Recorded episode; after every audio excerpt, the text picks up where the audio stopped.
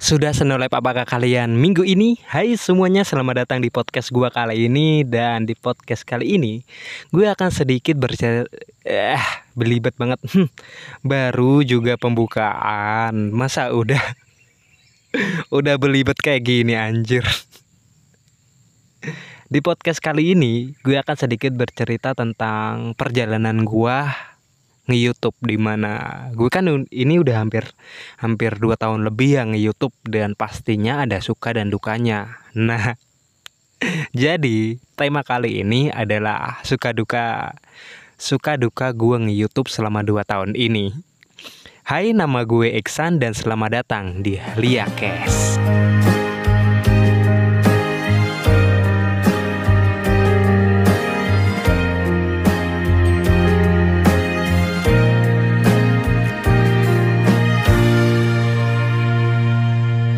Hello everyone, everybody, sugeng dalu, niat ingsun, sadayana, uh, iya garing ya. Seperti yang udah gue bilang di awal tadi, di mana gue akan bercerita tentang perjalanan gue nge YouTube selama selama dua tahun lebih ini. Dan apa aja sih suka duka menjadi seorang seorang bisa dibilang kayak konten kreator seperti gua eh tunggu dulu. Gue bikin sesuatu di YouTube tuh apakah gue termasuk konten kreator? Padahal video gue tuh sesampahan di YouTube. Hmm. Ya biar kalian sendirilah ya ya yang menilainya. Apakah gue layak disebut sebagai konten kreator atau tidak? Jadi semua itu berawal dari tahun 2009 eh tahun 2019 lagi. Tahun 2018 iya sebenarnya sih ini udah gue ceritain di podcast perkenalan gue tapi bakal gue buka lebih lebar lagi gue perjelasin lagi. Ya karena di podcast uh, perkenalan gue waktu itu bisa dibilang nggak nggak terlalu ngebuka semua hanya yang inti-intinya aja gue bahas. Dan di kali ini gue akan lebih lebih buka lebih buka lebar lagi dan ya mungkin itu akan menjadi inspirasi kalian semua dan mudah-mudahan kalian bisa mengambil sisi positif dari apa-apa yang gue alami ini. Jadi dari tahun 2018, 19 dan tahun 2020 tahun-tahun terberat gue itu adalah berada di tahun 2019. Kita kita mulai dari tahun 2018 aja dulu deh.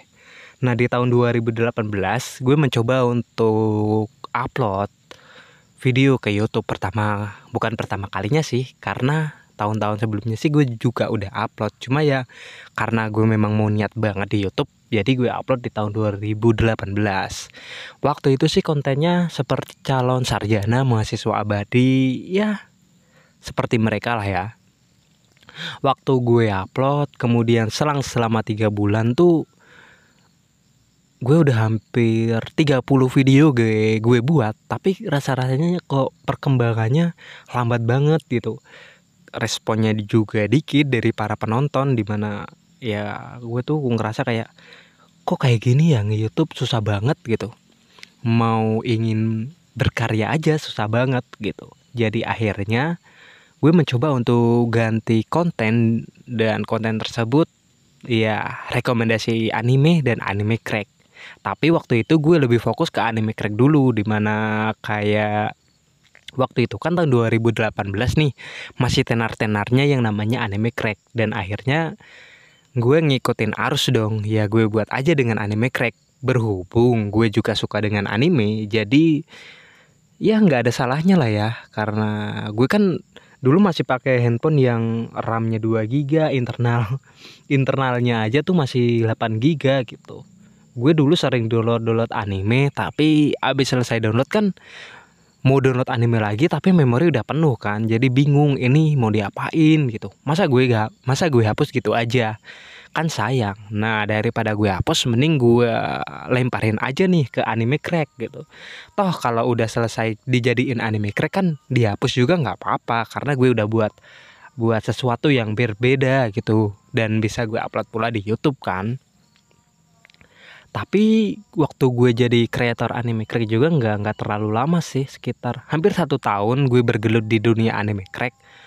Ya bisa dibilang mengasihkan dan juga enggak asiknya sih gue bisa kumpul bareng sama kreator-kreator anime crack. Hingga sekarang sih gue masih berhubungan dengan teman-teman semua. Dan bagian tersulitnya membuat anime crack itu adalah copyright. Jadi jadi tuh sangat sulit gitu mau menghindari copyright karena karena ya anime crack itu kan berasal dari anime yang yang ini bukan bukan asli kita buat kan. Melainkan sudah ada dari Jepang sana sudah dibuat terus kita buat kayak jadi kompilasi jadi lelucuan gitu. Tapi kan yang namanya copyright kan nggak pandang bulu ya mau itu anime mau itu video lainnya yang namanya hak cipta ya ya udah gitu. Kita juga nggak bisa komplain. Di situ gue juga ngerasa kayak ah berat banget sih apa gue harus pindah lagi gitu ganti konten gitu. Rasanya agak berat juga. Gue tuh ngerasa bingung apa yang harus gue lakuin selanjutnya gitu. Tapi di di waktu itu di tahun 2018 itu juga bisa dibilang asik banget gitu. Karena karena yang ya seperti yang udah gue bilang di awal tadi gue bisa berteman dengan kreator anime crack lainnya gue bisa ikut collab bareng dengan mereka. Asiknya sih di situ. Dan gue ngerasa kayak apa sih?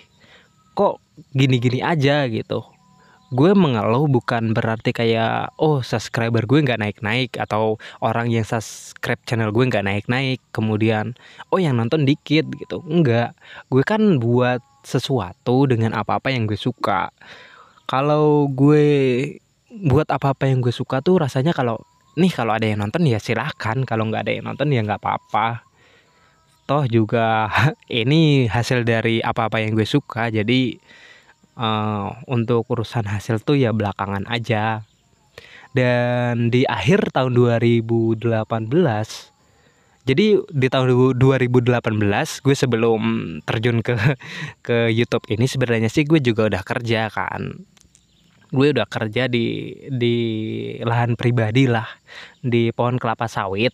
Gue kerja di situ sebagai pemanen di mana ya setiap minggu tuh gue manen sawit ya kalian tahu lah ya. Hmm. iya. Capek. Apa apa salahnya gitu loh? Karena pekerjaan tersebut kan halal untuk dilakuin gitu. Toh gue juga mencari nafkah dari itu. Gue cari makan dari dari sana juga. Jadi di tahun 2018 intinya sih gue udah udah kerja udah gue, gue tuh udah kerja gitu loh dan gue mencoba untuk ah bosen. Daripada bosen ya gue coba untuk terjun ke dunia YouTube itu tadi. Balik lagi ke ke yang tadi di mana di akhir tahun 2018 itu tuh kayak eh ini jembatan antara gue tuh nih mau pindah konten apa enggak?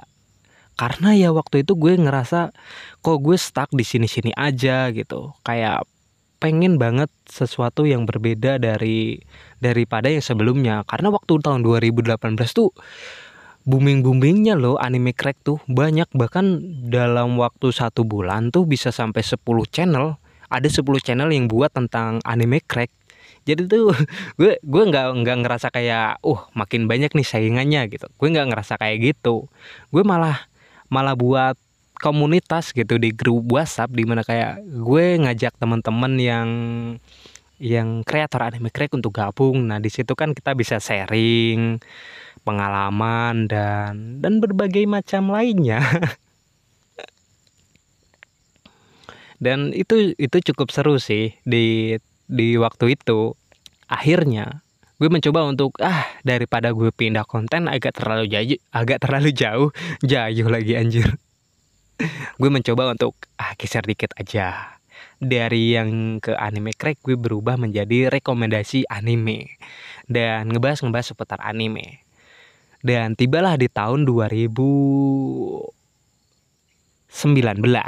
nah di tahun 2019 itu adalah tahun-tahun yang bisa dibilang amat sangat berat banget gue lalui sebagai konten kreator di mana dari tahun 2019 nih gue tuh kayak dibuat langsung dibuat seneng gitu.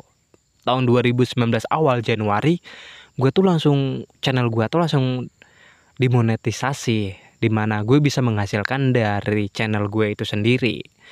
Ya seneng dong karena itu adalah pengalaman pertama Tapi nggak lama dari itu Itu selang gak nyampe satu bulan loh guys. Itu cuma 27 hari Tepatnya jatuh pada bulan 2 Itu tanggal 26 kalau nggak tanggal 27 Itu channel gue kena dismonetize. Kan kan kampret banget gitu loh. Belum sampai satu bulan channel gue kena dismonetize. Dan waktu itu kan karena ada peraturan baru Jadi gue nggak bisa ngapa-ngapain lagi.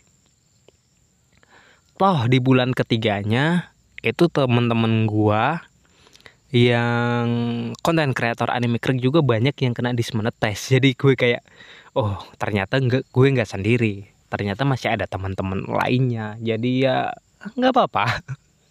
Toh gue juga penghasilan dari YouTube itu sih berapa sih sebenarnya? Nggak nggak terlalu banyak banget gitu. Lalu tuh kalau menurut gue ya selama gue nge-YouTube tiga tahunan ini gue ngerasa kayak uh, kalau nge YouTube doang hasil dari YouTube doang sih kayaknya nggak bisa untuk untuk memenuhi kebutuhan sehari-hari. Makanya sebelum gue nge YouTube gue tuh kerja terlebih dahulu jadi kayak uh, YouTube tuh sebagai sampingan aja sebagai alat pelampiasan hobi gue gitu. Tahun 2019 kayak kayak ngerasa tuh gue tuh kayak diberi sebuah cobaan yang sangat berat. Karena ya gue kan tahun dari tahun beberapa tahun yang lalu tuh kan gue juga udah kerja kan bareng bokap gue gue sama bokap gue tuh kerja di di di bidang yang sama yaitu manen kelapa sawit punya punya satu orang. Jadi satu orang tuh ada nih satu orang kan punya lahan lahannya luas. Jadi di situ bapak gue kerja di situ dan berhubung kayaknya bapak gue tuh kayak kurang nggak sanggup lah kalau untuk dikerjain sendiri. Berhubung lahannya sangat luas jadi gue ikut dong kerja sama bokap gue ya daripada gue nganggur di rumah kan hmm, nambah nambahin dosa doang keasikan nonton ekopoy mending mending gue ikut kerja. Toh lumayan bisa bantu bantu kebutuhan ekonomi keluarga gitu.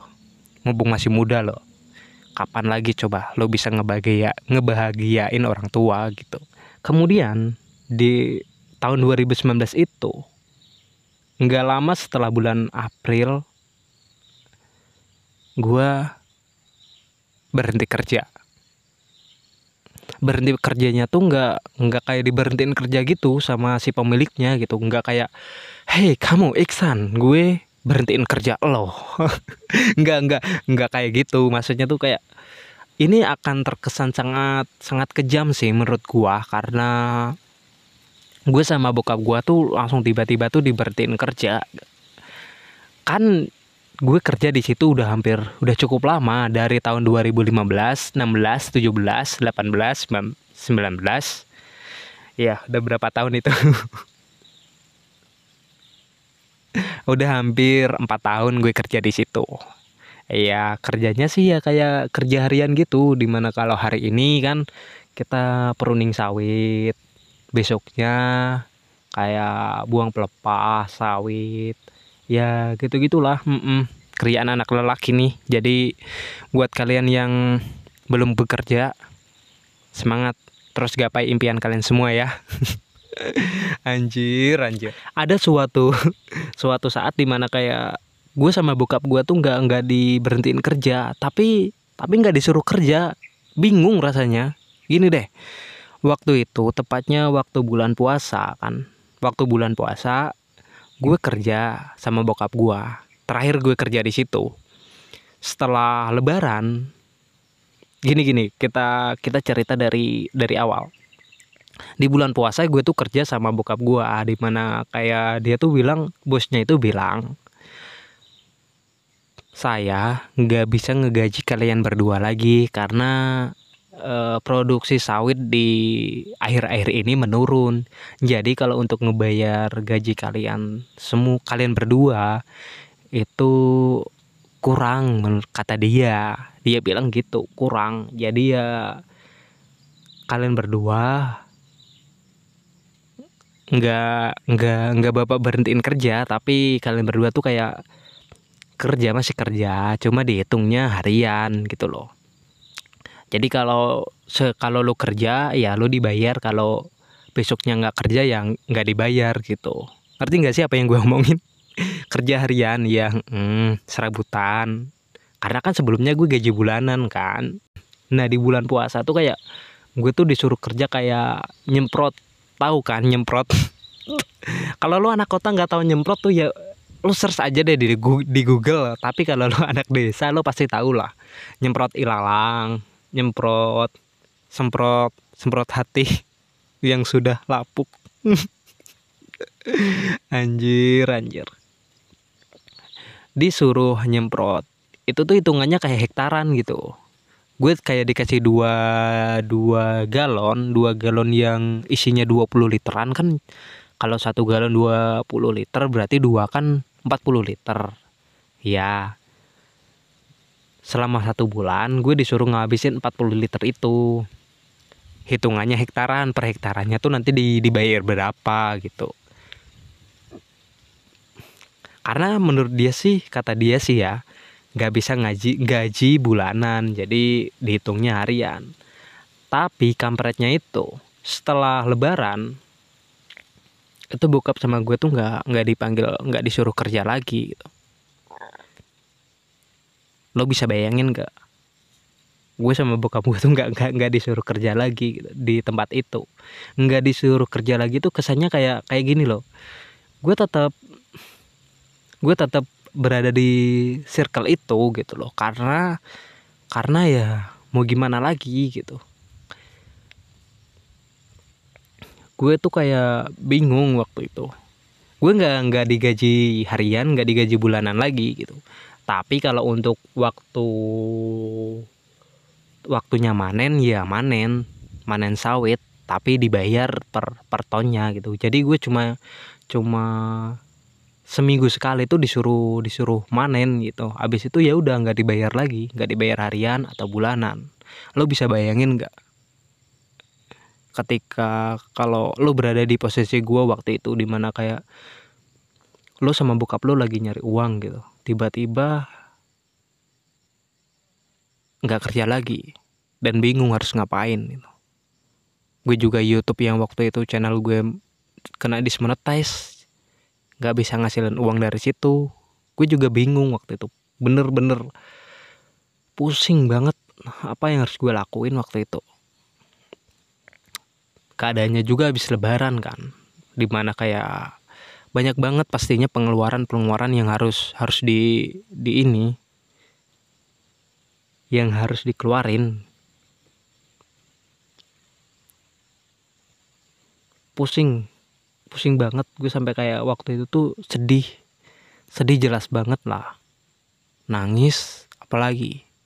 Gue yang waktu itu tuh karena gue sama bokap gue nggak nggak kerja lagi di mana kayak seminggu tuh cuma sekali kerja berdua tuh kayak cuma dibayar per ton kan. Kalau satu ton itu dibayar 200 ribu.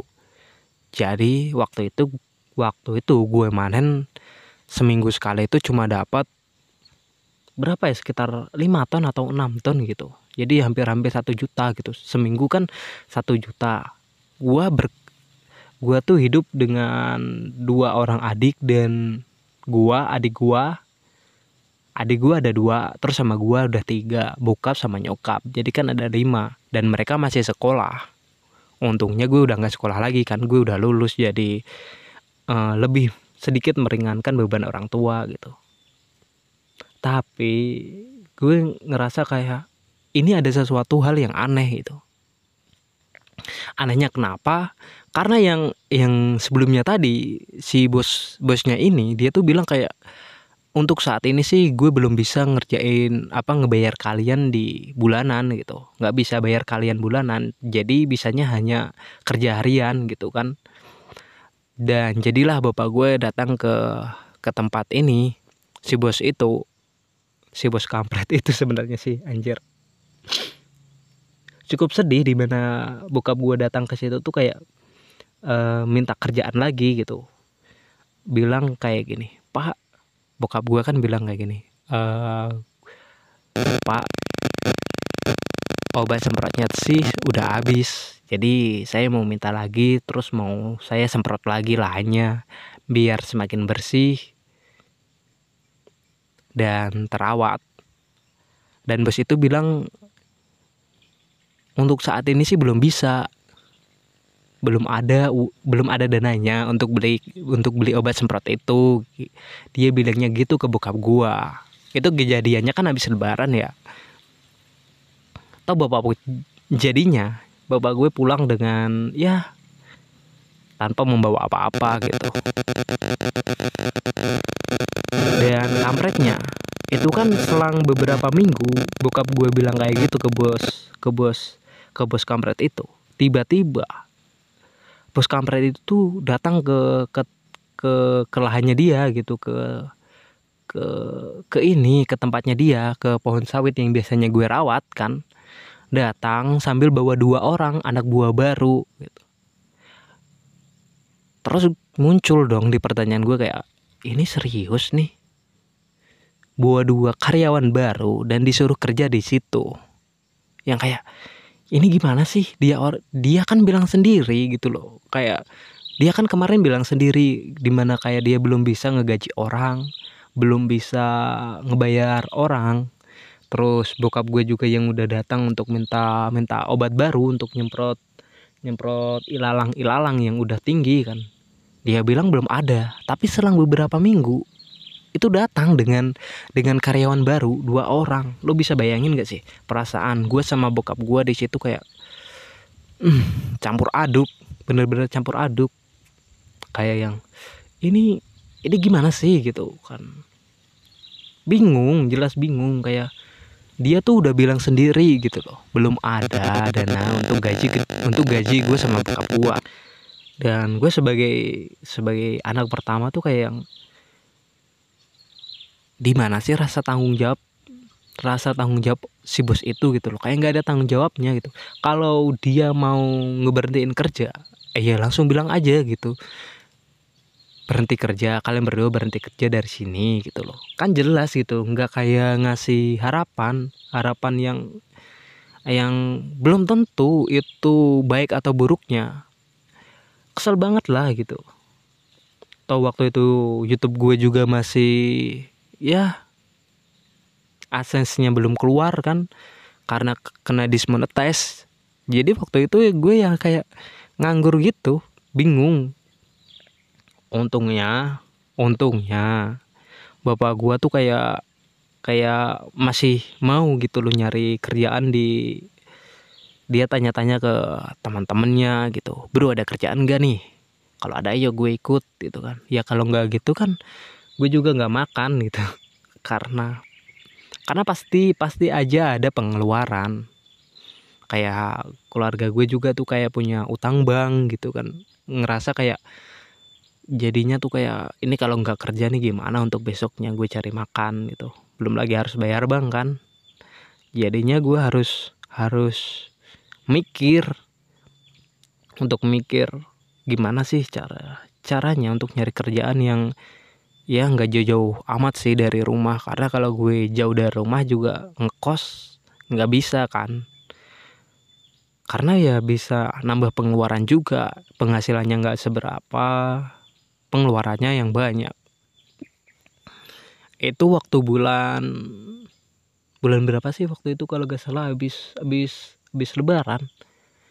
Kalau puasa itu kan April Mei kalau nggak salah. Juni iya Juni sekitar bulan Juni jadi bulan Juni itu gue kena kayak kayak diberhentiin kerja dengan cara yang tidak benar gitu.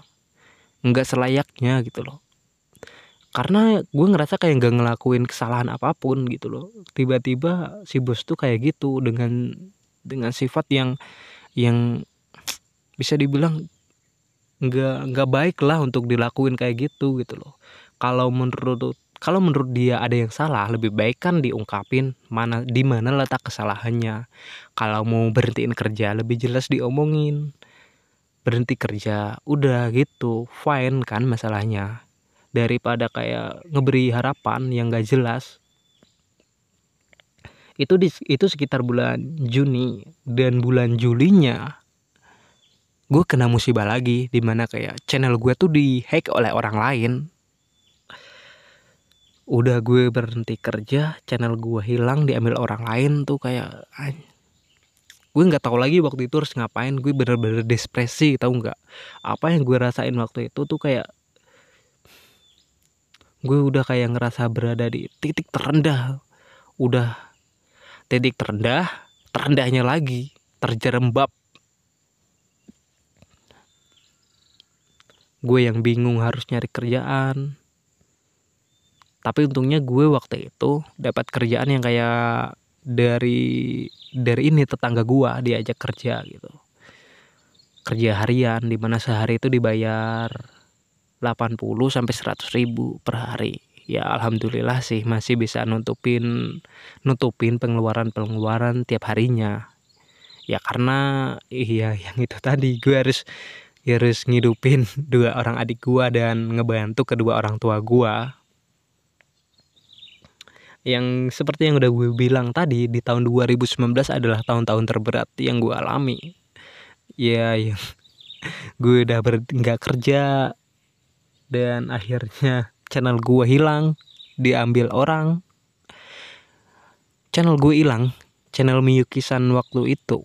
Itu gue sampai sempat sampai lapor ke polisi loh saking paniknya gua. Terus ada waktu gue ngelapor itu di kantor polisi itu ada salah satu polisi yang bilang kayak oh ini kasus dari IT gitu. Tapi sayangnya di sini teknologinya belum secanggih di kota-kota dia bilang gitu. Jadi ya gue cuma disuruh disuruh buat surat laporan kemudian disuruh disuruh ngasihkan ke balik lagi. Gue kan disuruh pulang tuh disuruh pulang abis ngelapor itu. Terus disuruh buat surat laporan. Abis itu datang lagi ke kantor polisi untuk di diwawancarai lebih lanjut. Tapi berhubung waktu itu gue gue bisa ngerepot channel Miyuki-san dan channel tersebut bisa terhapus jadi gue rasanya tuh udahlah nggak apa-apa. Gue ikhlasin ini. Gue ikhlas tapi rasa penyesalan tuh pasti ada lah gitu. Toh itu juga nggak larinya nggak jauh dari dari gue yang kayak kena musibah sama bokap gue soal kerjaan itu. Depresi banget. Gue yang kayak nonton anime aja tuh kayak kayak ambiar gitu kayak nggak ada rasanya. Kayak kayak gue minum kopi kayak kayak gini deh kayak lo minum kopi tapi kopinya nggak kerasa dan gulanya juga nggak kerasa. Kurang lebih itu kayak gitu yang gue alami waktu itu. Gue sampai depresi itu hampir yang satu bulan lebih tau nggak? Jelas lah gue jelas banget depresi waktu itu. Gue sampai kayak termenung di kesendirian apalagi gue orangnya introvert gitu kan. Gue juga bingung mau curhat ke mana waktu itu. Karena gue yakin akan suatu hal di mana ada titik terendah, pasti akan ada titik terangnya. Jalan keluar itu pasti ada. Karena karena buk, nyokap gue waktu itu waktu gue lagi berada di titik terendah, waktu channel gue kehapus dan bokap gue juga yang kayak kerja harian gitu, gue kayak nyokap gue tuh kayak terus berdoa ngebantu gue lewat doa, kemudian cari informasi ke tetangga-tetangga ada kerjaan enggak yang pas untuk untuk gue kerjain. Dan alhamdulillahnya alhamdulillahnya waktu itu ada sebuah perusahaan di mana perusahaan tersebut tuh kayak kekurangan karyawan itu dan nyokap gue tuh langsung kayak ngambil tindakan cepat tuh langsung cepet-cepet nyuruh gue suruh daftar di perusahaan tersebut. Perusahaannya adalah PT Kelapa Sawit ya masih bisa dibilang masih masih nggak jauh lah dari apa yang yang bisa gue lakuin. Karena gue sebelumnya kan juga kerja di kelapa sawit. Gue mencoba daftar waktu itu. Waktu gue daftar itu hampir tiga bulan. Kayak nggak nggak ada responnya gitu. Hampir tiga bulan tuh kayak nggak direspon kayaknya gue ngerasa kayak ah nggak apa-apa deh gue diterima kerja juga nggak apa-apa nggak diterima juga nggak apa-apa. Yang waktu itu kan gue juga udah kerja harian di mana ya lumayan lah untuk nutupin pengeluaran. Dan alhamdulillahnya lagi sekitar bulan selang tiga bulan dari gue menunggu itu sekitar bulan November Oktober Oktober akhir itu gue diterima di di PT tersebut di mana ya seneng banget lah gue ker, gue diterima bekerja di situ. Seneng banget rasanya karena alhamdulillah di mana kayak ada ada sebuah jalan. Karena waktu itu gue lagi berada di posisi terendah. Karena gini deh ketika kita berada di titik terendah kita tuh kayak bingung mau ngapa-ngapain gitu. Gue aja yang waktu itu berada di titik terendah tuh kayak mau bangkit lagi tuh rasanya sulit. Iya jelas waktu itu waktu gue kena musibah channel gue kehapus waktu itu banyak banget sih sebenarnya support dari teman-teman gue kayak ayo men lu pasti bisa bangkit lagi men. Lu nggak nggak nggak selemah itu. Untuknya banyak yang support seperti itu. Dan akhirnya gue untuk mencoba dan akhirnya gue mencoba untuk bangkit lagi. Gue buat channel baru dan dan alhamdulillahnya banyak banget support dari kalian semua. Yang kayak oh kita support lagi channel ini channel Miyukisan supaya bisa bangkit kembali. Seperti yang udah gue ceritain di podcast perkenalan gue waktu itu. Selang beberapa bulan gue bangkit lagi itu sekitar kan gue bangkit itu dari bulan Juni Juli Agustus nah di bulan Agustus tuh sebenarnya gue udah buat buat channel kan. Udah buat channel baru di bulan Agustus September. Untungnya waktu itu sebelum gue report channel Miyukisan gue udah sempat kayak ini kayak uh, download video-video gue yang lama di channel Miyukisan gue download kemudian gue save lalu gue report channel tersebut. Channelnya terhapus alhamdulillahnya. Kemudian gue upload lagi video-video lama gue di channel yang baru. Dan di situ kayak uh, semangat gue nge YouTube tuh kayak masih masih samar-samar gitu. Karena kalau dulu tuh kayak masih masih 100% 90% semangat gue nge YouTube sekarang tuh kayak kayak sekitar 40% lah gue gue semangat nge YouTube tuh. Iya mau gimana lagi rasa untuk semangat itu pasti akan hilang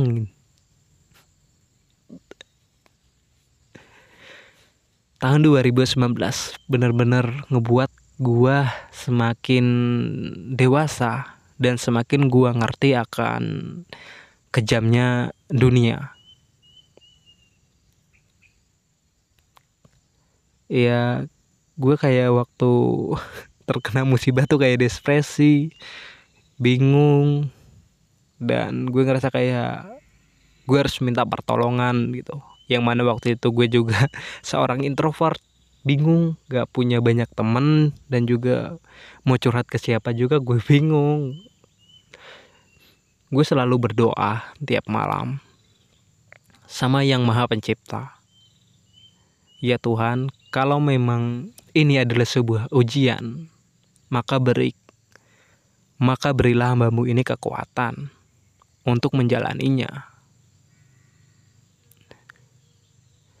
Gue yakin setiap ujian yang kau berikan pasti akan berakhir di ending yang benar-benar indah.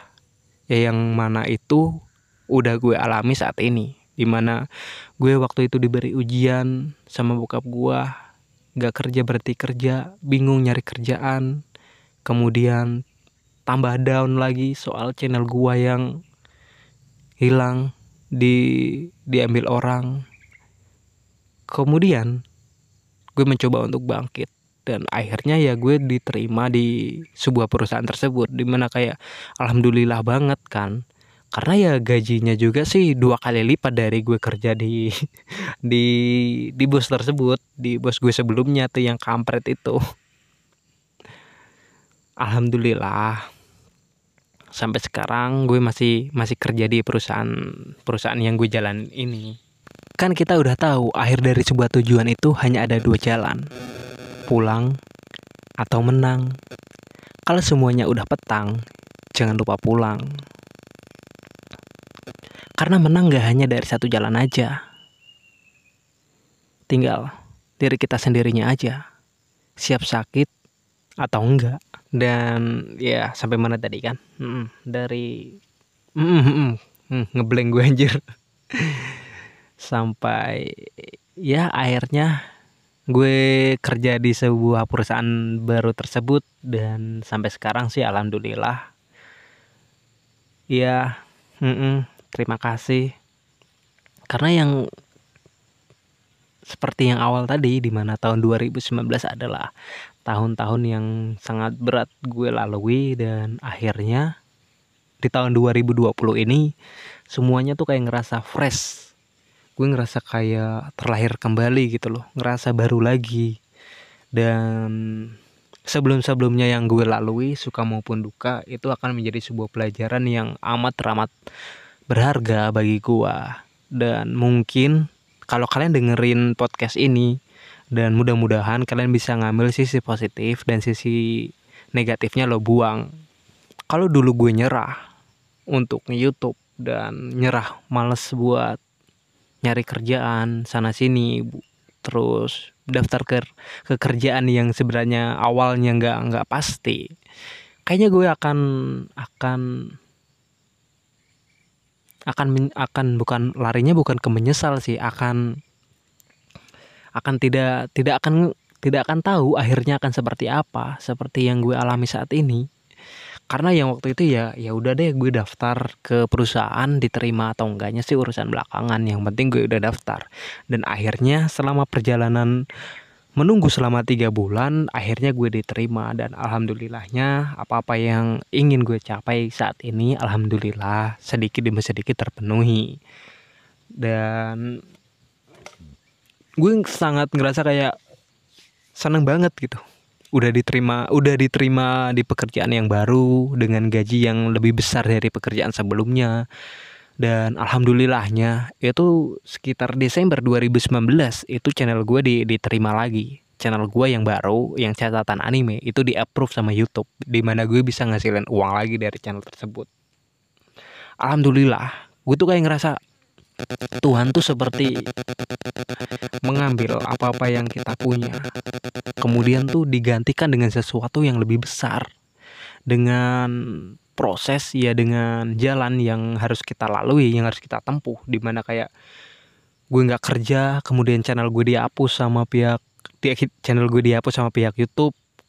Karena gue report karena channel tersebut kan diambil oleh orang lain. Kemudian gue down gue mencoba untuk bangkit kembali dan hal tersebut digantikan dengan sesuatu yang besar. Sebuah pencapaian yang besar di mana gue diterima di salah satu perusahaan yang lumayan.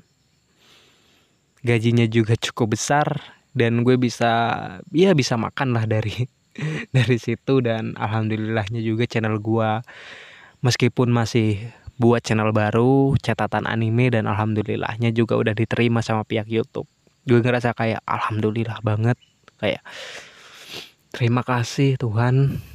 Apa-apa yang telah engkau berikan selama ini gue tuh kayak ngerasa alhamdulillah banget gitu. Kayak sebuah mimpi. Gue diuji. Kayak selama dua bulan gue tuh ngerasa kayak down. Mau ngapa-ngapain juga gelisah males pusing.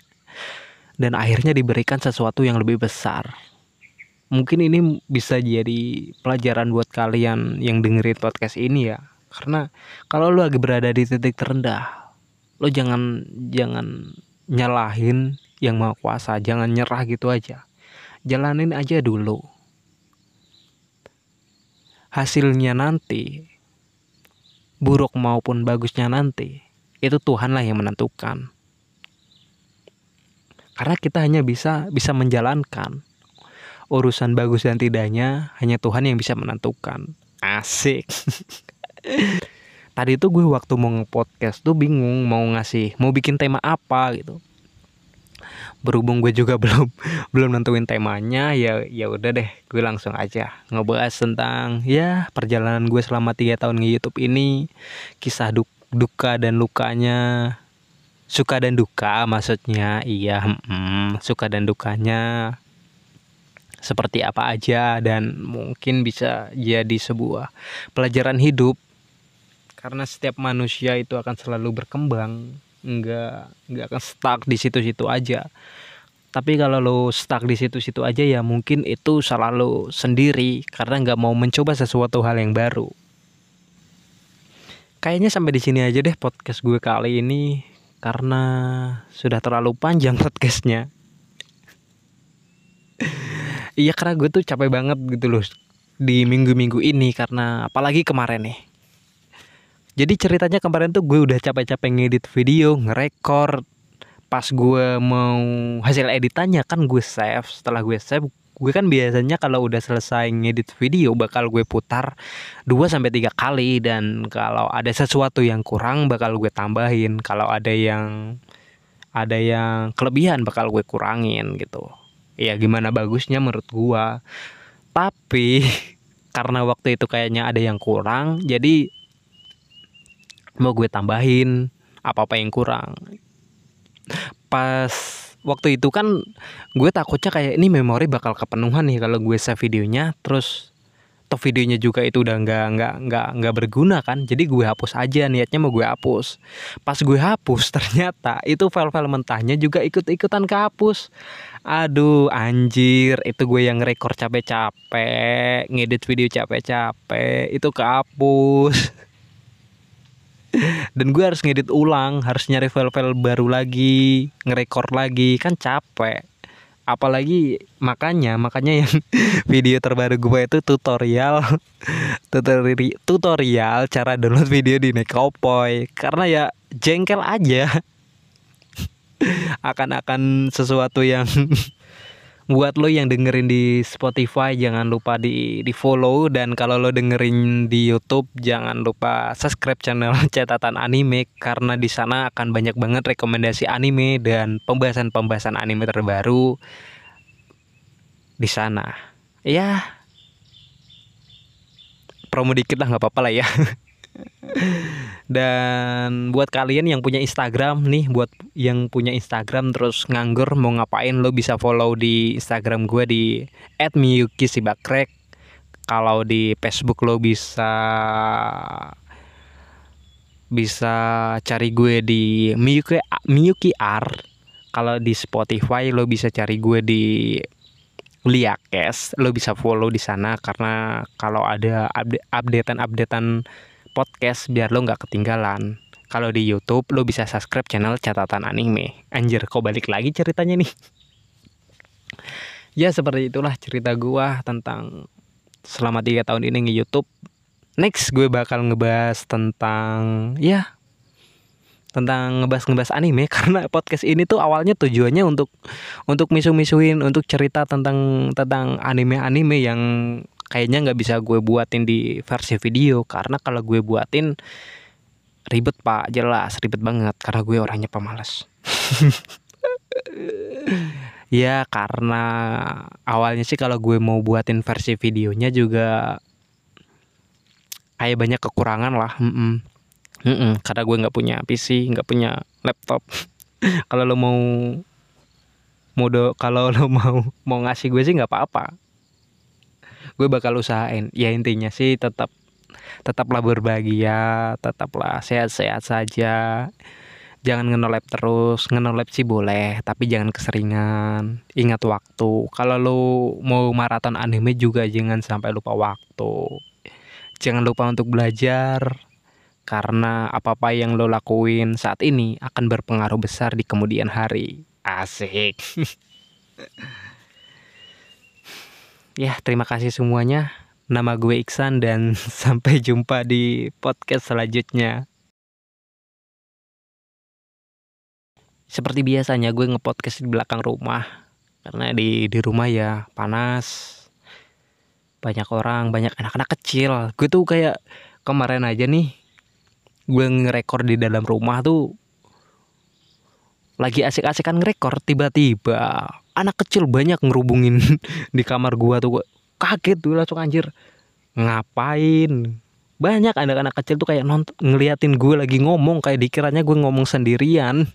Ya emang sih gue ngomong sendirian tapi kan tapi kan larinya nggak nggak ke situ gitu loh. Kayak mereka tuh penasaran gitu tapi tapi kebanyakan tapi. Ya rasanya risih kalau dideketin lagi ngebahas sesuatu yang ya yang seperti itulah. Tiba-tiba banyak orang ngumpulin berkumpul terus ngeliatin gua kayak insecure gue. Gue nih kalau ngerekor di rumah ada suara ayam aja gue berhenti ngerekor gitu. Langsung apaan tuh? Apaan tuh? Bingung jadinya kayak takut gitu makanya gue coba untuk ngerekor di di belakang rumah. Sepi nggak ada siapa-siapa kan. Jadi gue bebas mau mengekspresikan dan ngungkapin apa-apa yang mau gue ungkapin. Ya ya seperti itulah